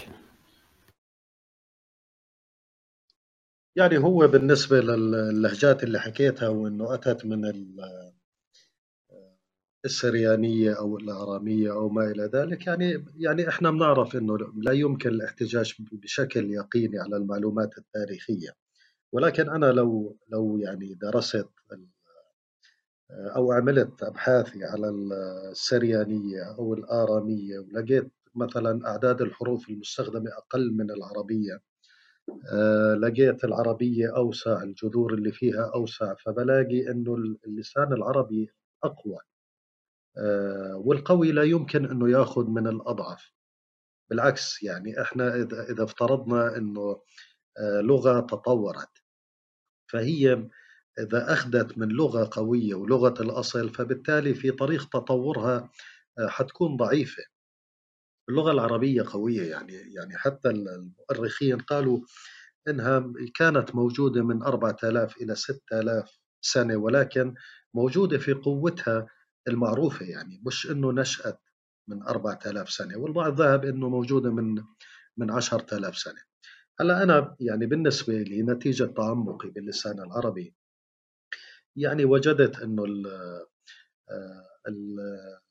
النسق اللي موجود فيها والدلالات اللي موجودة فيها يعني لا يمكن إنه تكون تطورت بحيث إنه الكل اللي طورها مشي بهذه الدقة على القواعد اللي موجودة فيها. فأنا استبعدت هذا الموضوع بعد دراسات طويلة وبعد تعمق فيها. آه، بالنسبة للغة واللانجوج هي أكيد اللغة كلمة مستحدثة كونه صار في استحداث لكلمة بديلة عن كلمة أصلا موجودة في القرآن فلازم يعني نضع آه، علامات استفهام. آه، اللغة لا شك أنها إجت من اللغو واللغو يعني مذموم في القرآن الكريم. فشو اختلاف اللغة عن اللسان زي ما حكيت في البداية؟ هي فقط التسمية التسمية. أما إحنا نتكلم اللسان العربي. آه، بغض النظر اللغة من language أو غيره وهال language إجت من لغة أو بالعكس أنا بشوف language ممكن إجت من لغة. وأنا بشوف كلمات كثير في الإنجليزية. ممكن مرة ثانية بنعمل محاضرة في هذا الحكي. آلاف الكلمات اللي موجودة في الإنجليزية. الإنجليزية بالمناسبة ما هي يعني تطورت لعامية كمان بالضبط زي ما صار مع اللسان العربي. صار في عامية وصار في إبدال لبعض الحروف. ففي آه، كلمات كثيرة مثلا بتلاقيها إنها مطابقة للنطق بالعربي وتعطي نفس المعنى. في كلمات صار فيها إبدال أحرف. لو يعني استطعت إعادة الأحرف إلى أصلها حتلاقيها كمان هي كلمات عربية فبتلاقي آه، بدون مبالغة عشرات الآلاف من الكلمات بتردها لأصلها بتلاقيها عربية. آه، الإنجليزية أخذت من عدة لغات مش بس آه، من العربية أو من عدة ألسن. أنا بشوف هي اللسان العربي هو أقوى لسان موجود حاليا وأقوى لسان يعني كان موجود. وأنا يعني على قناعتي اللي حكيتها في البداية لا يمكن اللسان العربي إلا يكون الله سبحانه وتعالى هو اللي وضعه وأنا يعني بشوف يقينا أنه آدم كان يتكلم العربية. شكرا أستاذ موفق أه تفضل يا يا سمو الأميرة حتى لا نتأخر على السلام عليكم أستاذ موفق وأرجو أن تكون بتمام الصحة والعافية. عليكم السلام. أهلا بالصديق العزيز. أهلا. آه، بصراحة شكرا كثير على هذه الغرفة وخصوصا آه، كلمة أخت. يعني كثير مرات بنسمع إشكالات على هذه المفردة لأنه ذكرت في سورة مريم يا أخت هارون فكيف يعني يتم قول إنها أخت هارون وهي ليست أخته؟ صراحة تفسير آه، كلمة أخت أتوقع يعني يوضح معنى هذه الآية. وسؤالي بصراحة عن معنى اللي هي وعلم آدم الأسماء كلها. هل في عندك تدبر لهذه الآية؟ لأنه في مرات بنقرأ آيات أخرى بتقول وما هي إلا أسماء سميتموها. أنتم وآباءكم ما أنزل الله بها من سلطان. فكيف علمها الله وإحنا اللي بنسميها؟ فهل في عندك رأي في هذا الموضوع؟ وشكرا جزيلا.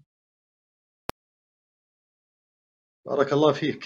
يعني أنبئوني بأسماء هؤلاء هؤلاء هي للعاقل فأنا بشوف الأسماء اللي علمها لآدم تختص في يعني المخلوقات العاقلة.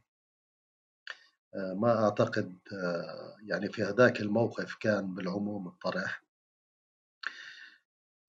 سميتموها يعني ممكن نستحدث إحنا. هلأ إحنا أسماء كثير ممكن نسميها ونستحدث وما تكون من من أصل اللسان. كلمات كثير ممكن نعربها كلمات مش موجودة عندنا. تلفزيون مثلا آه، عربناها إحنا سميناها هذه. فأخذنا نفس التسمية واستحدثنا هذه الكلمة. آه، في كلمات كثير إحنا وجدناها إنه يعني هي من أصل اللسان العربي ولكن نستخدمها بدلالات خاطئة. عن الموجودة في في اللسان العربي. زي دائما بعطي مثال على التربية. التربية اللي جذرها ربا وربا اللي هو التكثير. فإحنا بنستخدمها يعني لما بنحكي مربي الصف بنستخدمها بشكل خاطئ لأنه ما بيقوم بتكبير وتكثير. ولكن لما بنحكي مربي الماشية فإحنا بنعطيها الدلالة الصحيحة. فصار إما استحداث على بعض الكلمات اللي ما كانت موجودة أصلا استحدثناها وصار لها دلالات ومعاني أو كلمات باللسان العربي آه، صرنا نستخدمها إحنا في مجال خاطئ. أنا بشوف النزول مثلا آه، ما بشوفه اتجاهات بشوفه إسكان مؤقت ومنها المنزل والنزل والنزيل. آه، حتى المنزل أنا ما بروح باتجاهات أو أنا مثلا بالأردن بحكي نازل على العقبة. فأنا المقصود إني يعني بستخدمها في العامية في الدلالة الصحيحة. إني نازل مسافر على الشام مثلا نازل على الشام إقامة مؤقتة وراجع. فما بشوفها إنزال بمعنى اتجاهات الهبوط والصعود آه، واللي إحنا بنستخدم إنه الطلوع آه، والنزول. حتى الطلوع يعني طلعها كرؤوس الشياطين. فهي يعني لما بتظهر لك بتظهر كرؤوس الشياطين. مش طلوع بمعنى اتجاهات. حتى ب أنا بحكي طالع مثلا طالع من البيت آه، بلبنان بيحكوا بدي أظهر بدي أظهر من البيت بدي أطلع. آه، كمان هذه بنستخدمها في في موقع شكرا جزيلا لك أستاذ موفق. شكرا اخت رحمه تفضلي. نعم السلام عليكم. وعليكم السلام ورحمة الله. نعم بارك الله فيكم وشكرا للأخ موفق على الموضوع. آه، بارك الله فيكم. والله الأخ أنا عندي كلمتين حابة نزيد نشاركهم معكم الأخ موفق. هي من لهجتنا. وأنا كنت آه، من فترة يعني لفت انتباهي أنه معنى هذه الكلمات تتناسب أكثر مع المعاني اللي في القرآن من من المعنى اللي جاء في التفسير. يعني راح نبدأ بكلمة اللي هي كلمة مثلا آه، سيرت. كلمة سيرت. هي جاءت مثلا في التكوير ولا نبدأ بالنبأ؟ وسيرت الجبال فكانت سرابا كذلك في التكوير وإذا الجبال سيرت. فكلمة سيرت إحنا عندنا في لهجتنا في الجزائر آه، عندنا ما يسمى السيار. وهو الغربال. يعني اللي نغربل فيه مثلا نغربل فيه الطحين أو السميد. ف تصبح هنا كلمة سيرت يعني أصبحت آه، فتات أصبحت غبار. فإذا أعدنا هذا المعنى اللي هو في اللهجة نتاعنا اللي هو عامي اللي هو من المعنى العامي إلى آه، إلى الآيات نجد أنه أنسب. يعني هنا يصبح في النبأ وسيرت الجبال فكانت سرابا فكانت سرابا هو في التفسير ماذا تجد؟ تجد سيرت معناتها حركت يعني من الحركة. فما يتمشاش هذا وسيرت الجبال فكانت سرابة. كيف؟ حركت فكانت سرابة. بينما سيرت اللي هو بالمعنى العامي اللي عندنا فكانت سرابة. هنا تجد أن المعنى أنسب. نفس الشيء وإذا الجبال سيرت وإذا هنا جاءت للقسم القسم يكون للشيء يعني العظيم. كذلك جاءت في معنى آخر في القرآن في سورة الرعد ولو أن قرآنا سيرت به الجبال أو قطعت به الأرض. يعني هنا المعنى العامي العامي اللي هو يعني غربلة يعني أصبح فتات سيرت به الجبال أو قطعت به الأرض هنا المعنى أقرب. من المعنى اللي جاء في التفسير يعني على أنه سيرت هنا الحركة ويجي إذا زدنا ربطناه إذا زدنا ربطناه بالآية آه ولو أنزلنا هذا القرآن على جبل على جبل لرأيته خاشعا متصدعا من خشية الله فنجد أن كلمة متصدعا يعني أقرب للمعنى سيرت اللي هو في المعنى العامي من المعنى اللي هو في القرآن. هل فهمتوني بارك الله فيكم؟ يعني أنا فهمت الطرح تبعك. نعم. آه، إحنا طبعا بداية لما عم نجمع الكلمات العامية في منهجية لازم نشتغل عليها. أنا سعيد طبعا إنك أنت عم بتحاولي تربطي الكلمات حتى من قبل المحاضرة يعني بتحاولي تشوفي قصة المعنى. ولكن أنا لما لما بدي أشتغل بمنهجية على الكلمات أنا لازم يعني أشوف جذرها وأشوف كل مشتقاتها ولازم آه، يكون في ترابط بين كل المشتقات في دلالة واحدة موجودة في الجذر. فأنا لما بحكي سارة سارة ومن ضمنها طلعت المسير آه، وطلعت مثلا في الآية متاع لكم وللسيارة آه، وجاءت سيارة فأرسلوا واردهم فأنا يعني بشوف هي من السير. فأنا بتخيل إنه أنتم بتستخدموها إلا إذا يعني يعني اشتقيتوها من من من شيء ثاني ليس من أصل الجذر. آه، اللي اللي بشوفه بأكد يمكن الحكي اللي أنا يعني بذهب له في الموضوع هذا وترى الجبال تحسبها جامدة وهي تمر مر السحاب فهي أنا بشوف سيرت الجبال آه، هذا الحكي يوم القيامة يعني حتصير يعني تمر بحسب الآية الثانية وإحنا دائما بنرتل القرآن الكريم. فأنا لما يعني بتمر علي كلمة في العامية أنا بحاول أرجعها لأصلها إذا كان فيها تغير حروف بعدين برجعها للجذر وبعدين آه، بعمل اشتقاقات بأوزان معينة وبشوف هل هي بتعطي نفس الدلالات في كل الاشتقاقات أو لا. فالسير يعني حتى السير أنا بشوفه مثلا شو شو بيختلف عن المشي مثلا إنه السير لازم يكون في مسار معين. يعني لازم هذا الوصف اللي أعطيته للسيارة السيارة بمعنى السيارة اللي موجودة في قصة آه، سيدنا يوسف.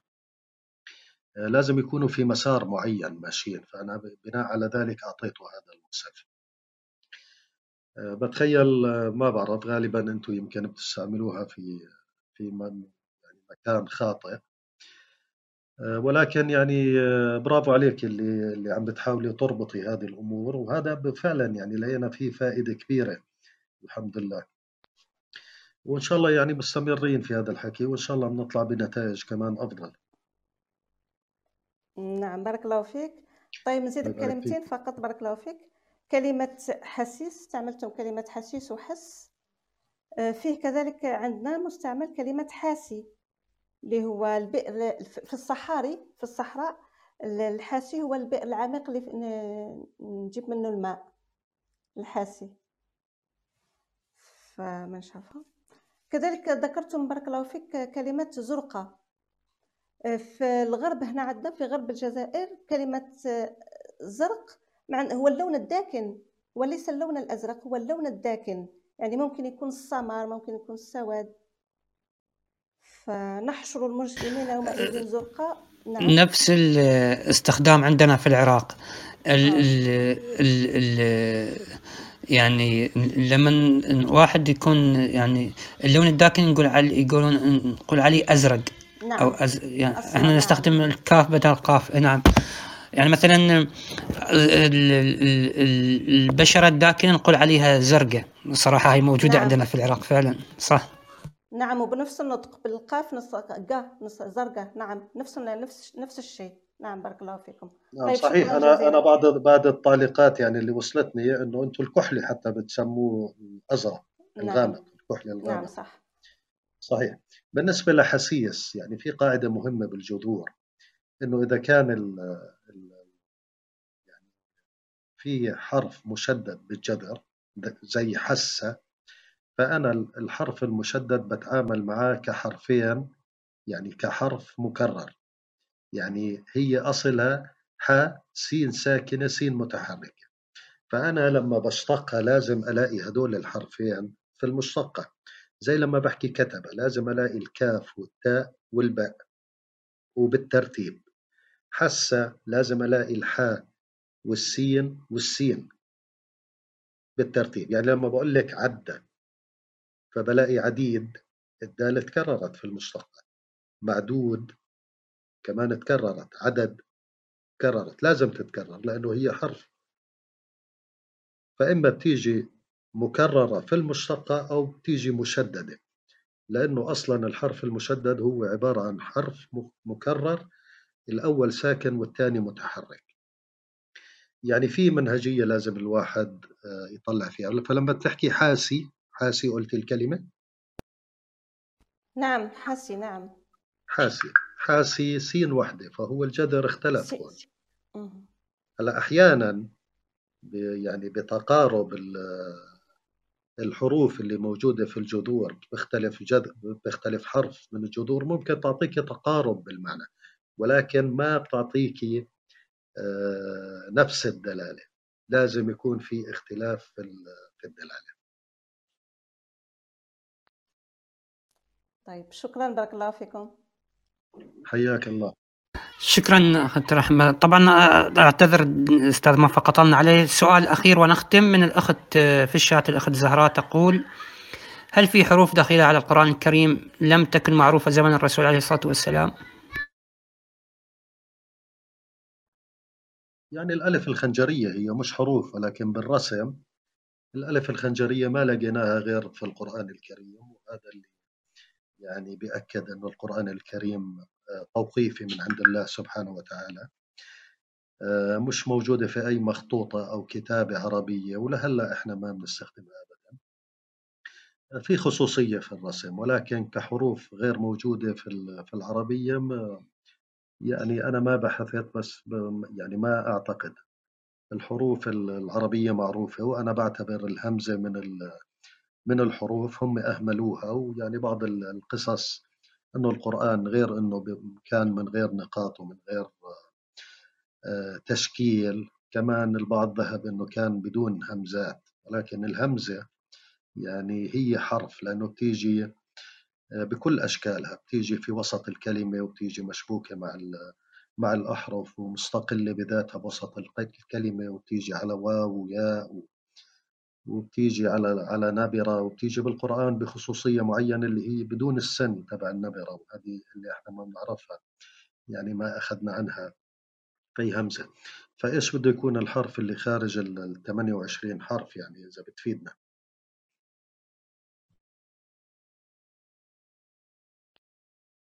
طيب آه وصلنا طب أختي كوين عندك سؤال؟ طيب آه شكرا يا منذر يعطيك العافية أستاذة موفى. يعني صراحة كانت محاضرة جميلة جدا وفيها نوع من العصف الذهني إنه الإنسان يعني يحاول يربط إنه القرآن قد إيه هو قريب على اللغة اللي بيتكلم فيها بعد يعني سنوات من فكرة إنه لا لا أنت ما رح تفهم لغة القرآن. فأنا بتشكرك على هاي المحاضرة. بس عندي سؤال لك هل ممكن يعني بعد مدة أشوف مثلا في برنامج المتدبر أو يعني مجرد فكرة أنت عارف إنه موضوع تفاسير القرآن الكريم للغات الأخرى يعني مثل الإنجليزية فهو يعتمد على المعاجم وأنت عارف إنها بالمعاجم المعاني مختلفة تماما. وبهاي الخطوة اللي بدأتها أنت اليوم معنا وأكيد أنت بادئها من قبل آه، موضوع إنه تقرب إنه اللغات الكلمات في اللهجة العامية هي فعلا متداولة من القرآن الكريم. فهل ممكن إنه إحنا بعد مدة نلاقي نسخة للقرآن الكريم بترجمة للغة الإنجليزية مثلا بس بالمفاهيم الصحيحة مو بترجمة المعاجم الموجودة؟ شكرا لك يا أستاذ موفق. الله يبارك فيك. والله هذا يعني محطوط على جدول أعمالنا فعلا زي ما تفضلتي يعني الترجمة أنا إذا ما فهمت الكلمة بالشكل الصحيح بالدلالة الصحيحة أنا بالتالي حترجمها بطريقة خاطئة. يعني قرأت كثير من الترجمات لقيت حتى على مستوى أسماء الإشارة ذلك الكتاب مترجمة في معظم التراجم this book مع أنه ذلك وذس وهذا آه، يعني كل وحدة لها دلالة. فبالتالي آه، إن شاء الله إذا وصلنا لمرحلة إحنا يعني كوين آه، يعني عم نحط زي لبنة أساس للناس بحيث أنه ينتبهوا لهذا الحكي ويحاولوا يا إما يساعدونا يا إما يطوروا على الكلام اللي إحنا بدنا نوصله. نفتح الباب لشيء جديد يمكن الناس مش منتبهين له. ويجي ناس من بعدنا إنهم يكبروا في هذا الموضوع. إحنا ما رح نقدر طبعا يعني لا يمكن أي إنسان إنه يلم بكل شيء موجود في القرآن الكريم. ولكن إحنا قدر الإمكان بنضع حجر الأساس و... وأكيد يعني إن شاء الله إذا انتشر هذا الموضوع والناس يعني صارت على قناعة فيه وصار في على عليه أبحاث يعني بشكل منهجي وبشكل يعني علمي ومقبول ووصلوا لدلالات ويبنوا هذا الحكي أكيد في النهاية رح يكون في ترجمة أقرب من اللي موجود حاليا لمراد الله عز وجل. إحنا أنا بتمنى يعني إحنا حاطين ببالنا إنه إن شاء الله إذا كان عندنا كم كويس من المعاني وصلنا لهالدلالات هذه. الخطوة الثانية إنه يكون شيء مترجم أقرب ما يمكن يعني لمراد الله عز وجل. إن شاء الله. شكرا لك يا أستاذ موفق جدا. يعني يعني أنا بتمنى يكون بالقريب العاجل. أنت عارف دائما المغتربين عندهم هاي الإشكالية بشكل عام. إحنا الحمد لله يعني أنا إحنا ناطقين للغة العربية لكن أولادنا مستحيل يكونوا مثلنا في اللغة العربية خصوصا في دول دول أوروبا ودول الغرب يعني بشكل عام. فأتمنى إن شاء الله يعني هاي الخطوة تكون قادمة وتكون يعني زي ما تفضلت أنت بمنهجية على أساس إنه نرجع ل يعني ما بدي أقول معجم إحنا ما بدنا معاجم بس بشكل عام هي تكون أقرب بفهم للقرآن الكريم أكثر من الموجود حاليا. فبتشكرك جدا يا أستاذ موفى على هاي الفكرة. الله يبارك فيكي وأنا بدي أطلب من كل الموجودين إحنا عملنا group على الفيسبوك اللي هو لسان العرب ولهجاتها. طبعا يعني عم نتطرق في في الموضوع اللي اللي حكينا فيه وكمان بدنا ندخل مواضيع العادات والتقاليد والأمثال الشعبية حتى أغاني الأطفال يعني هي كمان متواترة.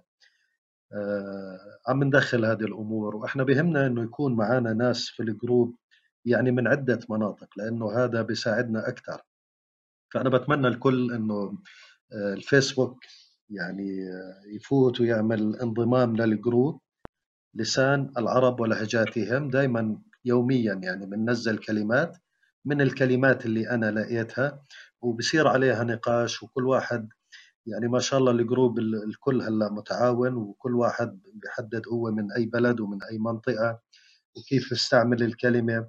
هذا بيساعدنا كثير لأنه هذه ال data كلها كمان عم نجمعها. المعلومات اللي عم بكتبوها عم نجمعها وبنحاول نحللها وبتساعدنا كثير في في البحث اللي إحنا عم نقوم فيه. آه، لسان العرب ولهجاتهم على الفيسبوك group آه شكرا أستاذ طبعا أحد الأخوة كتب في الشات إنه الأخ آه جميلة أو والله ما أعرف. سعد كتب أنه يريد الالتحاق بمجموعتكم فقد سمعت يا أخي أو يا أختي آه الأستاذ موفق. وأعمل متابعة فولو للأستاذ موفق وتابعه وتواصل معه وأنضم معهم في مجموعتهم على الفيسبوك. وصلنا إلى ختام غرفة اليوم اللي صراحة هي من أمتع الغرف الحوارية في الأكاديمية. الأستاذ موفق اليوم لم يكن فقد فقط عفوا آه، محاضرا بل أشركنا معه. وجعل الجميع يتفاعل معه بطريقة ولا أروع. شكرا له على جهده. بارك الله فيه وجزاه خيرا في الدنيا والآخرة على ما يقوم به هو وكل من معه. آه، اليوم استفدنا الكثير الكثير وهذه الغرفة تحتاج إن الواحد منا آه، يقوم بإعادة الاستماع إليها مرة ثانية وثالثة حتى آه، يستفيد مما طرح فيها. آه، شكرا لجميع الأخوة المستمعين اللي كانوا معنا على مدى أكثر من ساعتين رواد الأكاديمية. دائما وأبدا أقول أن هذه الأكاديمية منكم وإليكم. أستاذ موفق عندك كلمة أخيرة حتى نختم بعدها. الله يعطيكم العافية وشكرا لكم. ويعني ما شاء الله الأكاديمية يعني فعلا عم عم بتنور الشباب وهذا اللي محتاجينه بالفترة هذه. شكرا إنكم استضفتوني معكم اليوم. آه، وإن شاء الله لقدام كمان ممكن نرتب محاضرات ثانية بيكون صار عندنا قواعد بيانات أكبر وبنطرحها وبنتناقش فيها وبيكون الموضوع يعني آه، خلينا نقول بصير زي عادة عند اللي موجودين إنهم كمان يحاولوا آه، هم نفسهم إنهم يحاولوا يخرجوا بكلمات أو هلأ أنا يعني متأكد إنه إنه الناس حتصير تنتبه إنه فعلا هذه الكلمة أنا ما كنت أتخيل إنها موجودة وهذا الحكي يعني عم باخذه كثير من من الأعضاء اللي موجودين معنا إنه ما كنت أتخيل إنها قرآنية أو ما كنت أربط إنها قرآنية مع إني بحكيها في حياتي اليومية وبعدين اكتشف إنها يعني من اللسان العربي وأنا ب يعني باشوف إنه هلأ الكل ببلش ينتبه لهذا الموضوع. آه، يعني بحاولوا ساعدونا أنتم كمان آه، كل واحد بحسب منطقته بحسب اللهجة أو الدارجة اللي موجود في بلده إذا اشتركتوا معنا على الجروب بحيث إنه نوصل لأكبر عدد من المفردات وهذا هو هدفنا. مرة ثانية شكرا للجميع شكرا أخ منذر كوين وكل الموجودين معنا والله يعطيكم العافية جميعا.